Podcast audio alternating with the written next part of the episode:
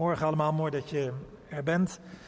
Ehm, vorige week zijn we gestart met een serie eh, over het Bijbelboek uh, Koningen, deel 1 en deel 2. En daar gaat het over allerlei uh, koningen, goede en slechte. Over goed leiderschap en falend leiderschap. En die blik op die koningen, op dat leiderschap, geeft gelijk zicht op het volk van toen. Want zo blijkt het vaak te zijn. Zo koning, zo volk. Zo leider, zo mensen.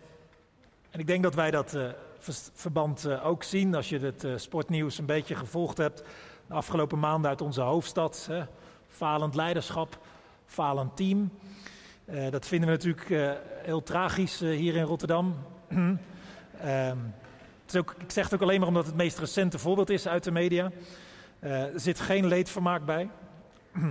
Dit meende ik niet echt. Dit, ik heb me wekenlang ingehouden over, uh, over alle problemen in de hoofdstad, maar vandaag lukte dat niet. Ehm, falend leiderschap, falende mensen.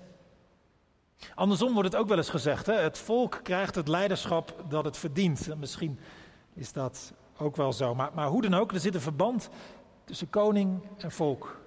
Leiderschap en de mensen. Dat zie je in het groot en in het klein. Dat zie je misschien ook wel gewoon op je werk of waar je ook komt. En dat verband zie je meer dan duidelijk in 1 en 2 Koningen en ook in het gedeelte dat we gaan lezen. 1 Koningen 12 vanaf vers 25 tot met 32. Het gaat over eh, de koning Jerobiam. Het rijk, het oorspronkelijke twaalfstammenrijk, is gescheurd in een tweestammenrijk en in een tienstammenrijk. En dat tienstammenrijk, daar wordt Jerobiam de koning van. Jerobiam vestigde zich in Sichem, in het bergland van Ephraim, nadat hij de stad eerst had versterkt. Later trok hij daar weg en versterkte hij Penuel. Hij bedacht dat er alle kans was dat het koningschap weer zou terugvallen aan het huis van David en overlegde bij zichzelf: Wanneer het volk naar Jeruzalem blijft gaan om daar offers op te dragen in de tempel van de Heer, zullen ze zich weer hechten aan hun heer koning Regabiam van Juda. Dan zullen ze mij vermoorden en zich weer bij Regabiam aansluiten. Na rijp beraad besloot hij om twee gouden beelden te laten maken in de vorm van een stierkalf. En daarop zei hij tegen het volk: U bent nu vaak genoeg ter bedevaart naar Jeruzalem gegaan. Israël, dit is uw God die u uit Egypte heeft geleid ene beeld liet hij in Bethel plaatsen en het andere in Dan, waar het door de Israëlieten in optocht naartoe werd gebracht. En zo verviel het volk tot zonde. Jerobiam liet tempels bouwen op de offerhoogte en stelde priesters aan die niet tot de nakomelingen van Levi behoorden, maar afkomstig waren uit alle groepen van de bevolking. Ook stelde hij op de vijftiende dag van de achtste maand een feest in dat leek op het feest in Juda. Hij besteeg dan in Bethel de treden naar het altaar om offers op te dragen aan de stierenbeelden die hij had laten maken. In Bethel installeerde hij ook de priesters die hij voor de offerplaatsen had aangesteld. We kijken dus naar Jerobiam vandaag. Jerobiam is wat je noemt een geboren leider. Een man met organisatietalent en in zijn jonge jaren valt hij de toenmalige koning Salomo al op. En die bevordert hem tot een bijzonder hoge leidinggevende positie. Maar Salomo gaat vermoeden dat Jerobiam niet alleen heel veel talent heeft, maar ook wel heel veel ambitie. En Salomo wil hem uit de weg ruimen, maar Jerobiam brengt zichzelf tijdig in veiligheid in Egypte. Blijkbaar stond die grens toen wel open voor mensen die wilden vluchten. En na de dood van Salomo keert Jerobiam op verzoek van die tien noordelijke stammen terug. Hij wordt een woordvoerder richting de opvolger van Salomo, Regabiam. Maar deze Regabiam uh, maakt ongelooflijk stomme keuzes. En tien stammen keren hem de rug toe. Ze vormen een verbond met elkaar en maken Jerobiam hun koning.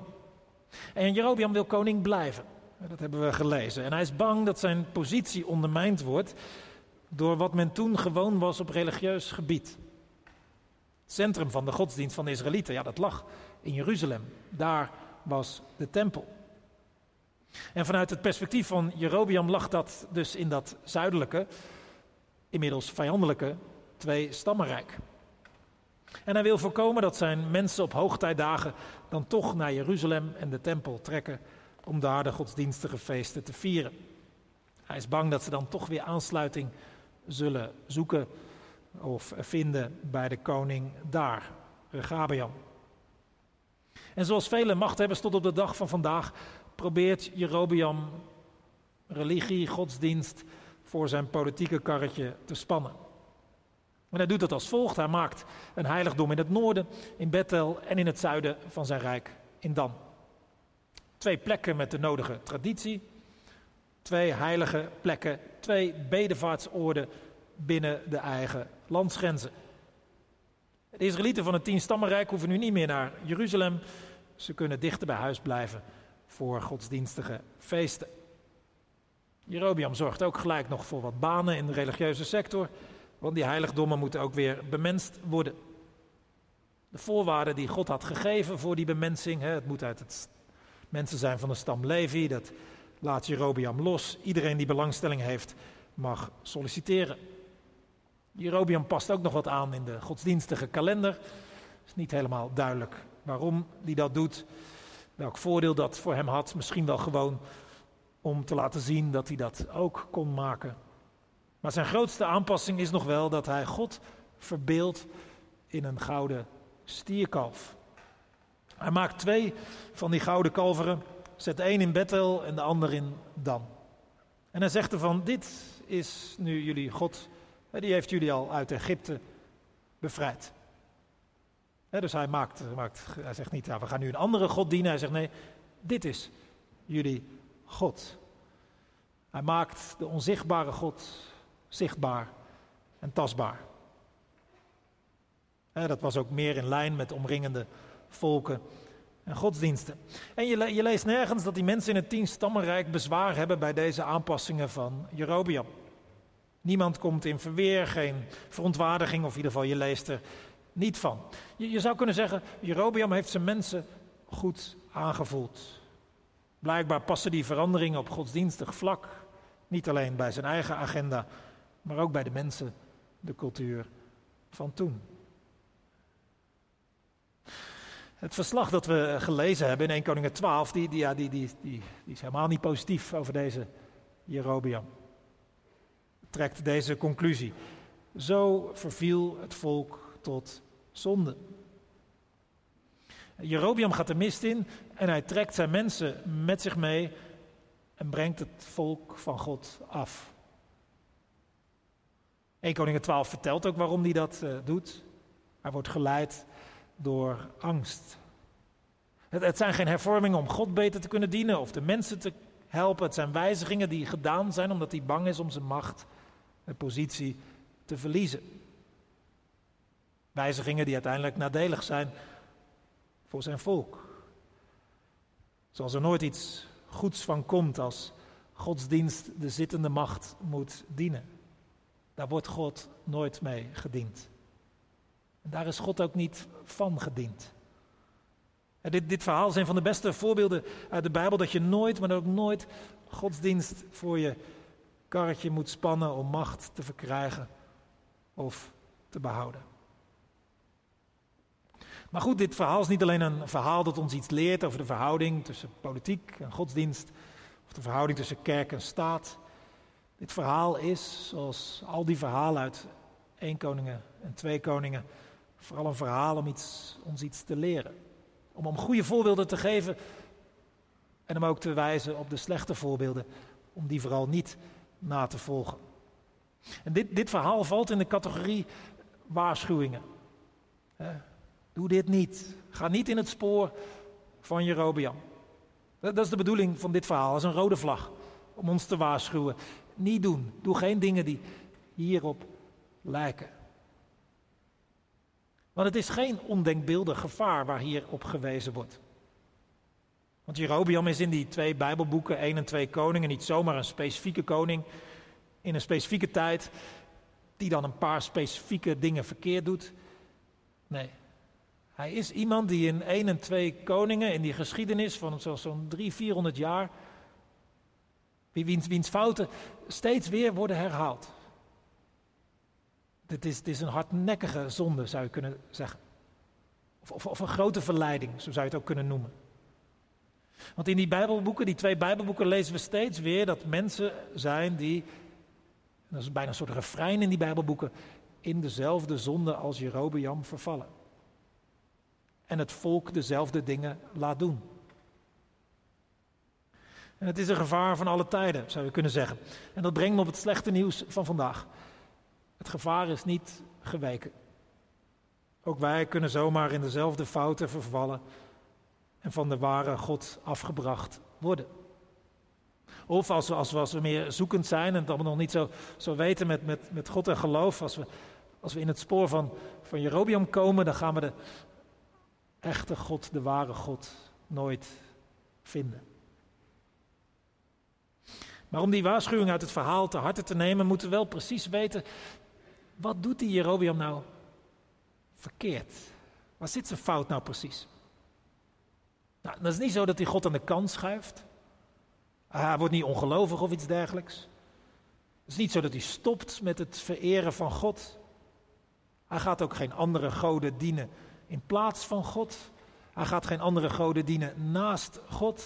Dat zijn fouten waar andere mensen in vervielen in die Bijbelboeken van koningen. Het is bij hem subtieler, zou je kunnen zeggen. En daarom misschien nog wel linker. Hij probeert God te blijven dienen. in ieder geval, dat, dat zegt hij. Maar dan alleen op de manier die hem zelf goed uitkomt. Want met zijn aanpassingen overtreedt hij allemaal dingen die God had gezegd in de eerste boeken van de Bijbel. Alleen in Jeruzalem had God gezegd.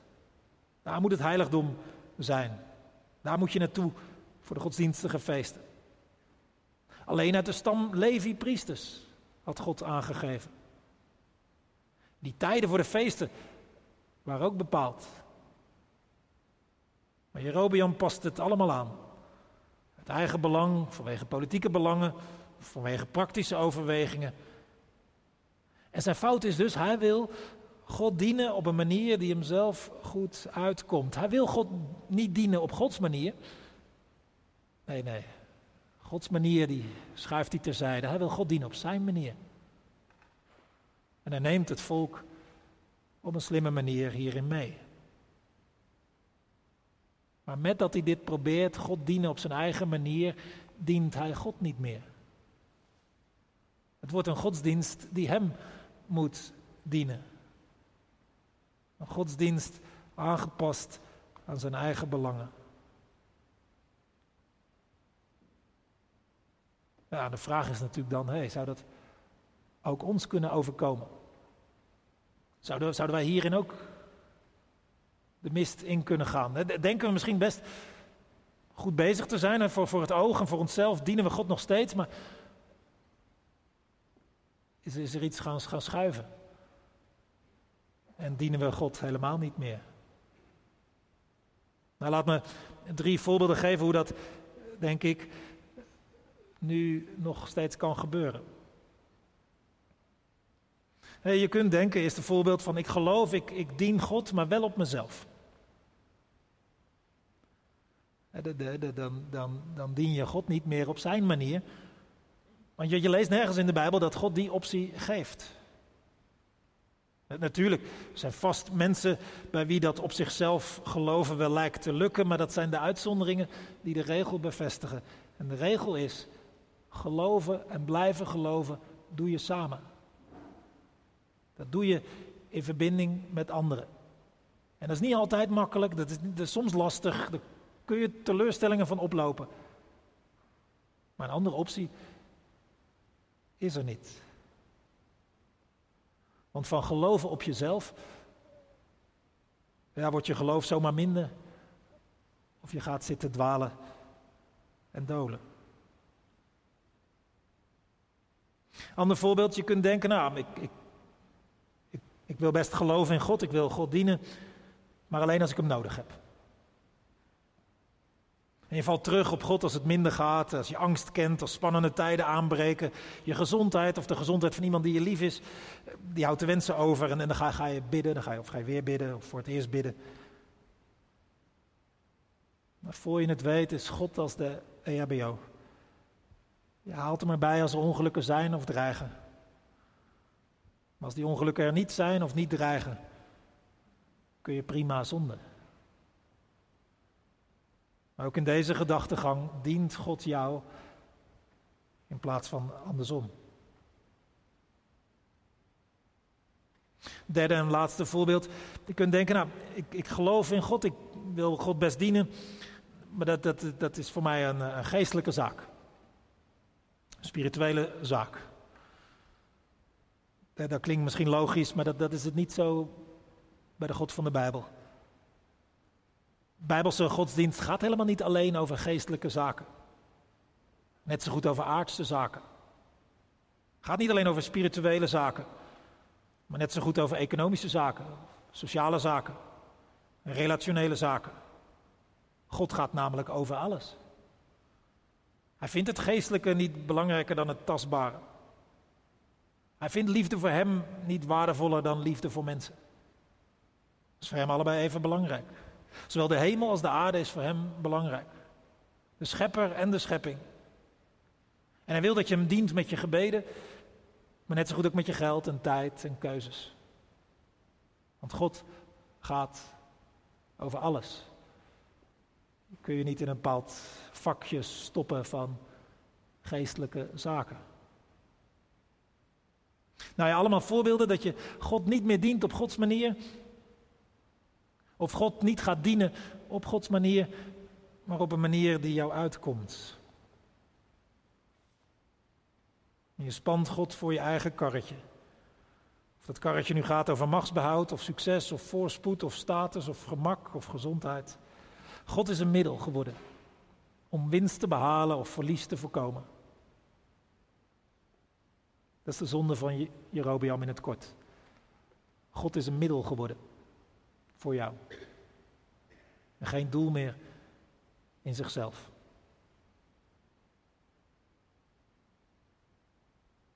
En als God een middel wordt of is, dan ben je God zomaar kwijt. Ben je zomaar van God los. Want God past daarvoor.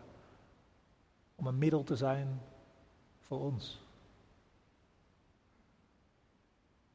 Nou ja, nog, nog, nog wat verder kijken naar Jerobeam. Bijna nog, nog een laagje dieper, want het ging op een nog fundamenteler niveau mis bij Jerobeam. Hij veranderde ook het beeld van God. En hiermee lapt hij niet wat voorschriften van God gegeven aan zijn laars, maar gaat hij rechtstreeks in tegen de kern van Gods bedoelingen. Zoals verwoord in de tien geboden. Dat is een beetje de, de grondwet zou je kunnen zeggen van, van God gegeven aan zijn, zijn mensen. En in, in het tweede van die tien geboden staat, u zult voor uzelf geen afbeelding maken van wat in de hemel is.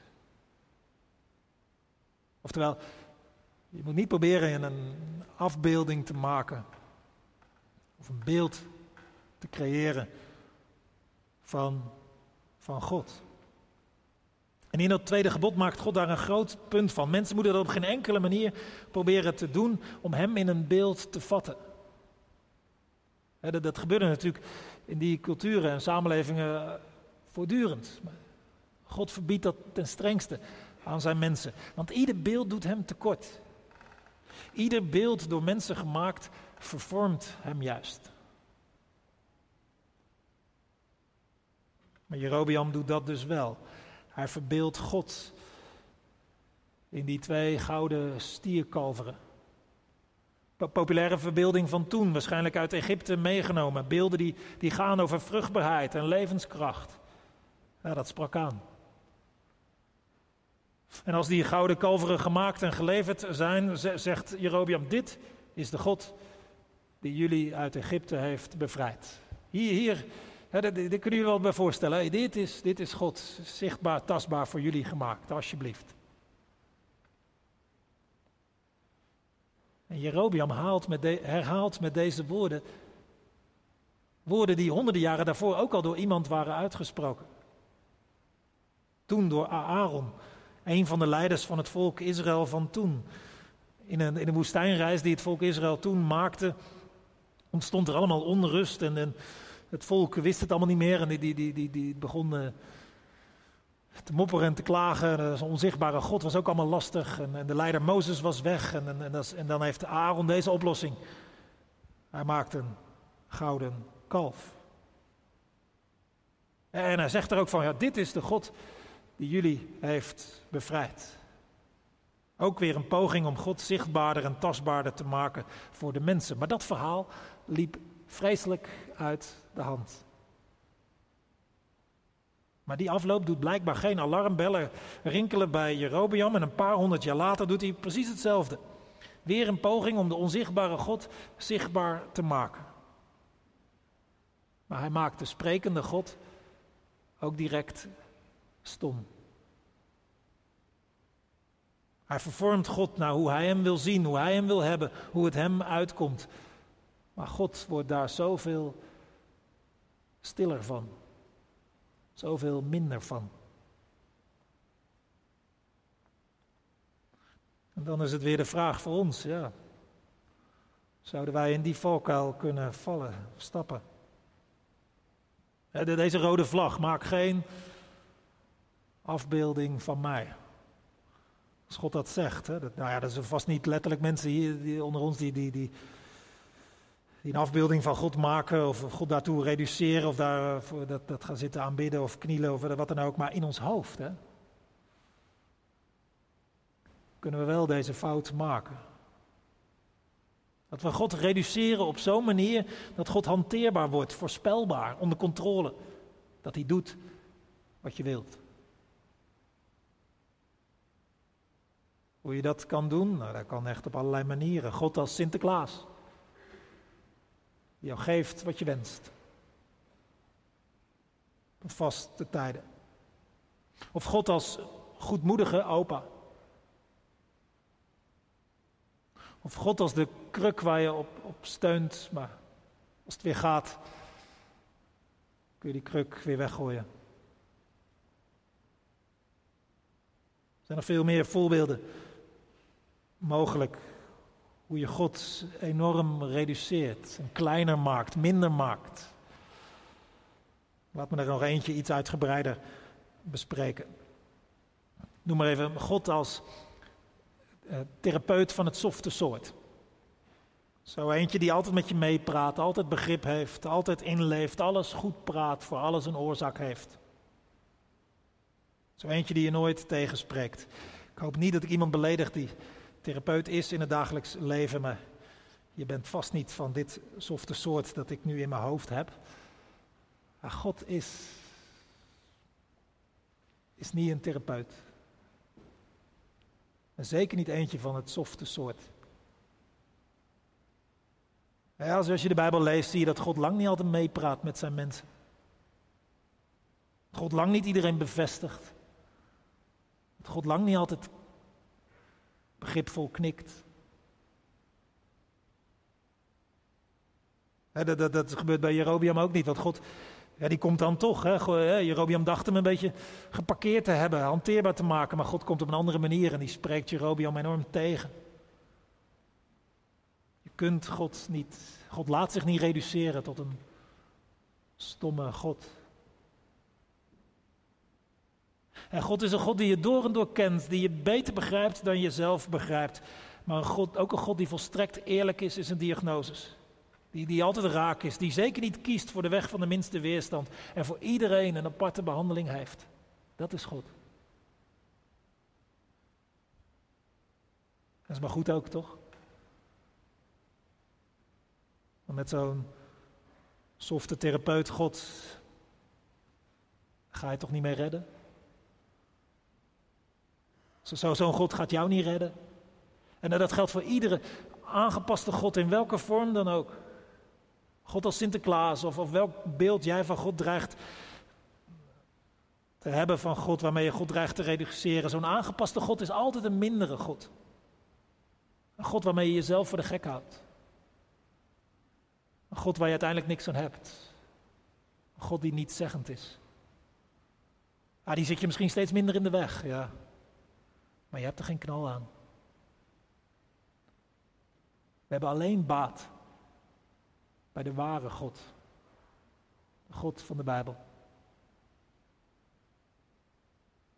En om je beeld van God niet te laten vervormen, moet je de Bijbel lezen en blijven lezen. Om je beeld steeds weer bij te stellen, te verruimen. Want we hebben allemaal en steeds weer de neiging om God te simplificeren, te reduceren, kleiner en minder te maken, voorspelbaarder. Maar als je de Bijbel leest, dan voorkom je dat en wordt je beeld groter en opgerekt en wijder. En als je de Bijbel leest, dan, dan zie je dat God zeker iemand is die luistert, maar je ook uitdaagt, die je aanspreekt, maar ook tegenspreekt, die je opzoekt, maar soms wegblijft, die zwijgt, luistert, lief heeft, toespreekt, omarmt, uit het nest duwt, die vaak fluistert, soms roept, maar ook nog eens op zich laat wachten, die de waarheid zegt, ongezouten soms ook, maar altijd genadig, die opvangt en op je benen zet, die op het podium zet en je er ook weer tijdig afhaalt, die voor je opkomt en die afwacht, die wegblijft en dan toch op het goede moment er weer is, die je inspireert en confronteert. Dat is God. En dat doet hij allemaal op de manier en het moment dat het hem past. Die God. Die, die, die, die, past niet in ons hoofd. Die is mooier, groter, echter dan welk beeld wij ook van hem maken. Die God past in geen beeld. Maar nou ja, misschien toch. In één beeld. Jezus Christus. Mens geworden God. Die in de Bijbel het beeld van de onzichtbare God wordt genoemd. En Jezus zie je opeens God in het gezicht. Kijk je opeens God in het hart. En als je naar Jezus kijkt en van hem leest en naar hem luistert, dan ontdek je, God en ik passen helemaal niet bij elkaar. Er zit zoveel tussen. Er is een verhaal in het Nieuw Testament dat Petrus opeens ontdekt wie Jezus is en dan zegt hij, ga maar weg. Wat, ik, ben, ik ben een zondig mens, ik, ik, ik pas niet bij u en u past niet bij mij, we, we passen helemaal niet. Maar Jezus gaat niet weg van Petrus. Want zo is God niet. En ook al passen wij niet bij God en God niet bij ons, en ook al is er een niet te meten verschil tussen God en ons, toch wil die God bij ons zijn. Gaan we over een tijdje vieren met kerst. God met ons. God bij ons.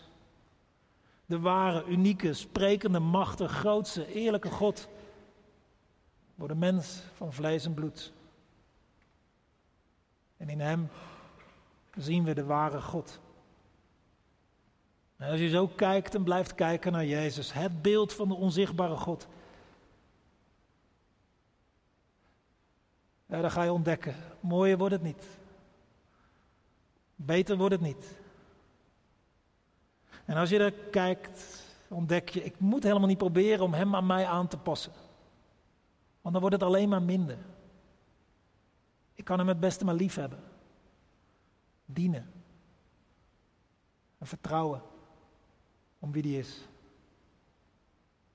Want die ware God dienen, op zijn voorwaarden, is het beste wat je kunt doen.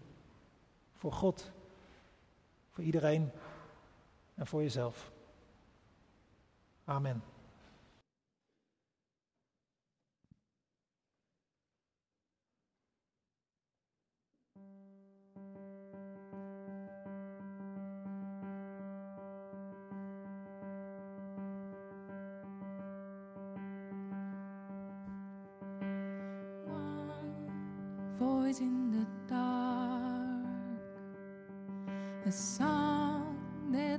Up the stars,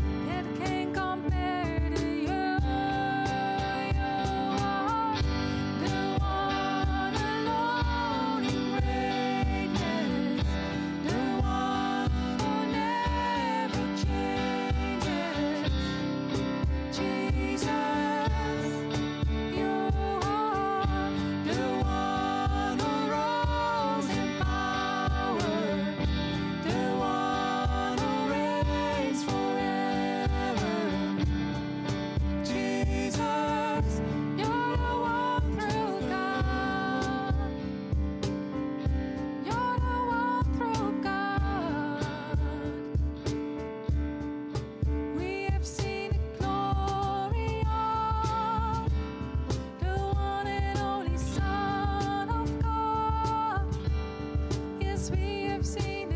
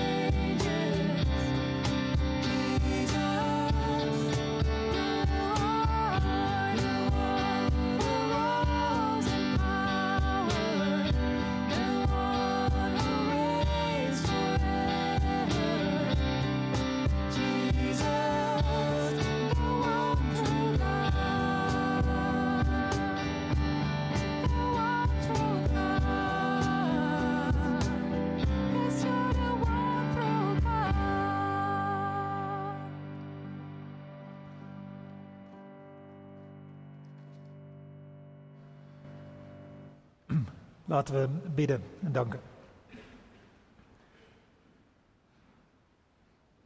Heere God, of we nu gelovig zijn of, of niet, of we meer zoekend zijn of meer gevonden hebben, we kunnen zomaar een bepaald beeld van u hebben dat niet meer klopt. We kunnen zomaar denken dat, u, dat we u kunnen aanpassen. Kunnen zomaar denken dat, dat u ons moet dienen. Vergeef ons dat. En help ons altijd weer op zoek te zijn naar, die, naar wie u echt bent. Of dat ons uitkomt of niet.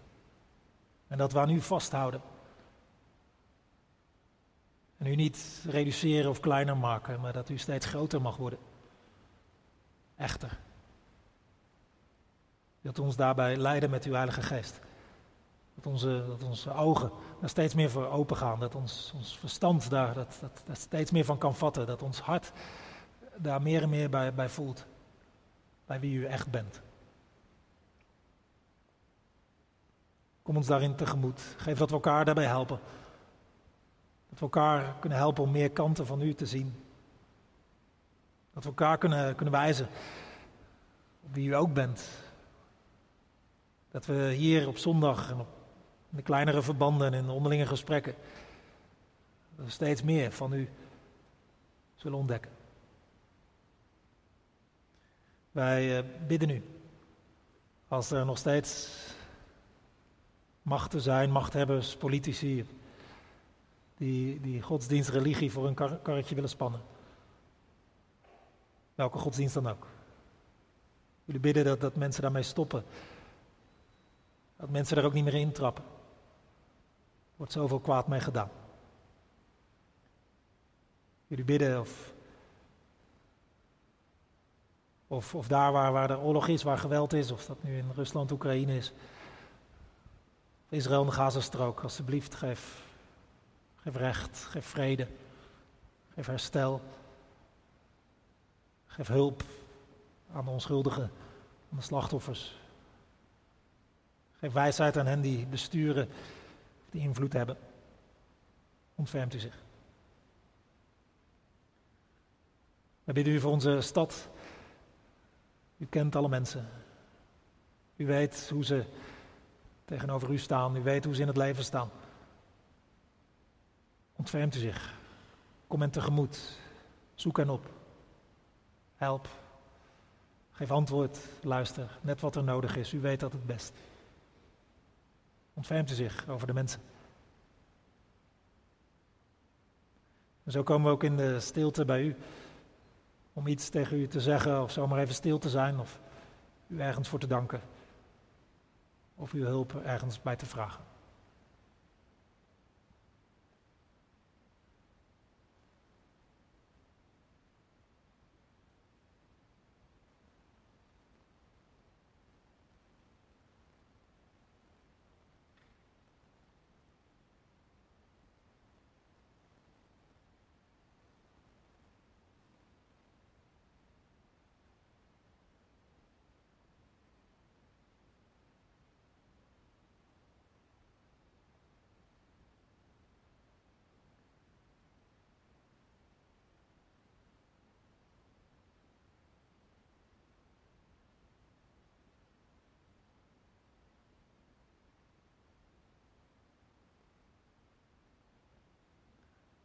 Neem onze dank aan en hoor onze gebeden. In de naam van Jezus Christus, beeld van de onzichtbare God. Amen.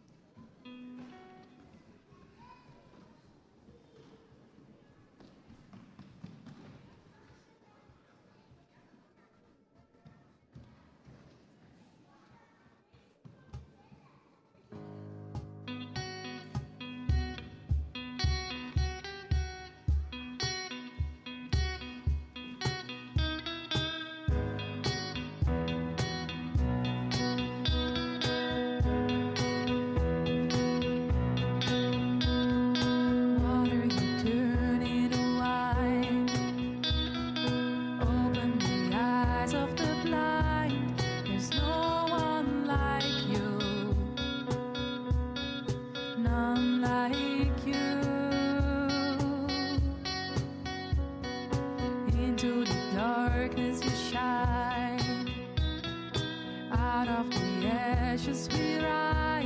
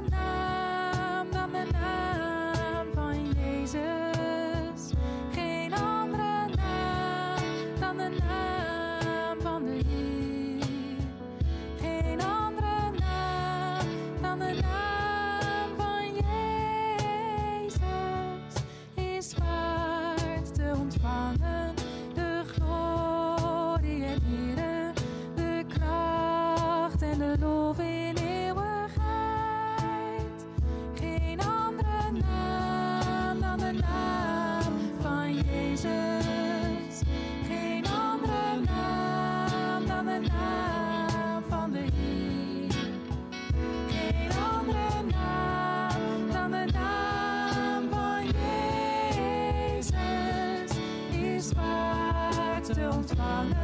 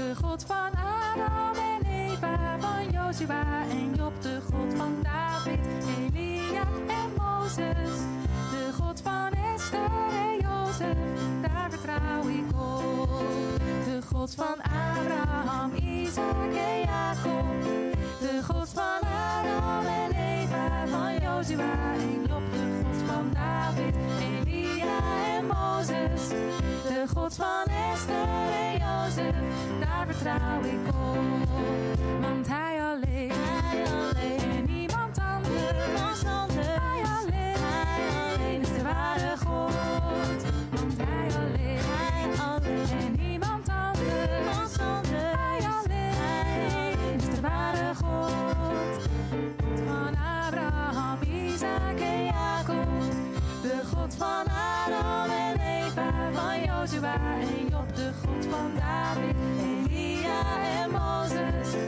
de God van Esther en Jozef, daar vertrouw ik op.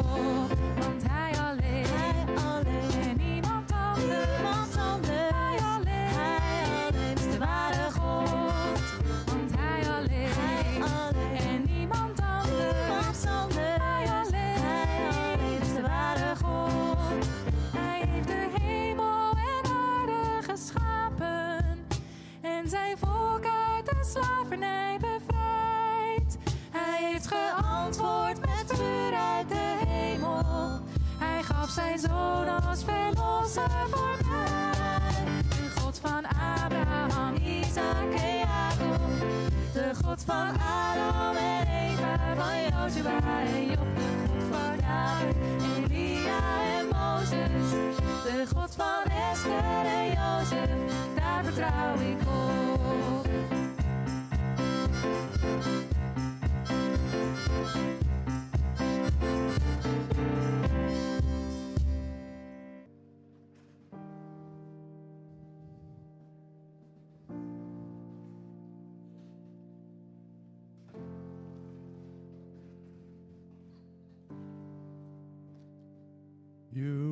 Hey.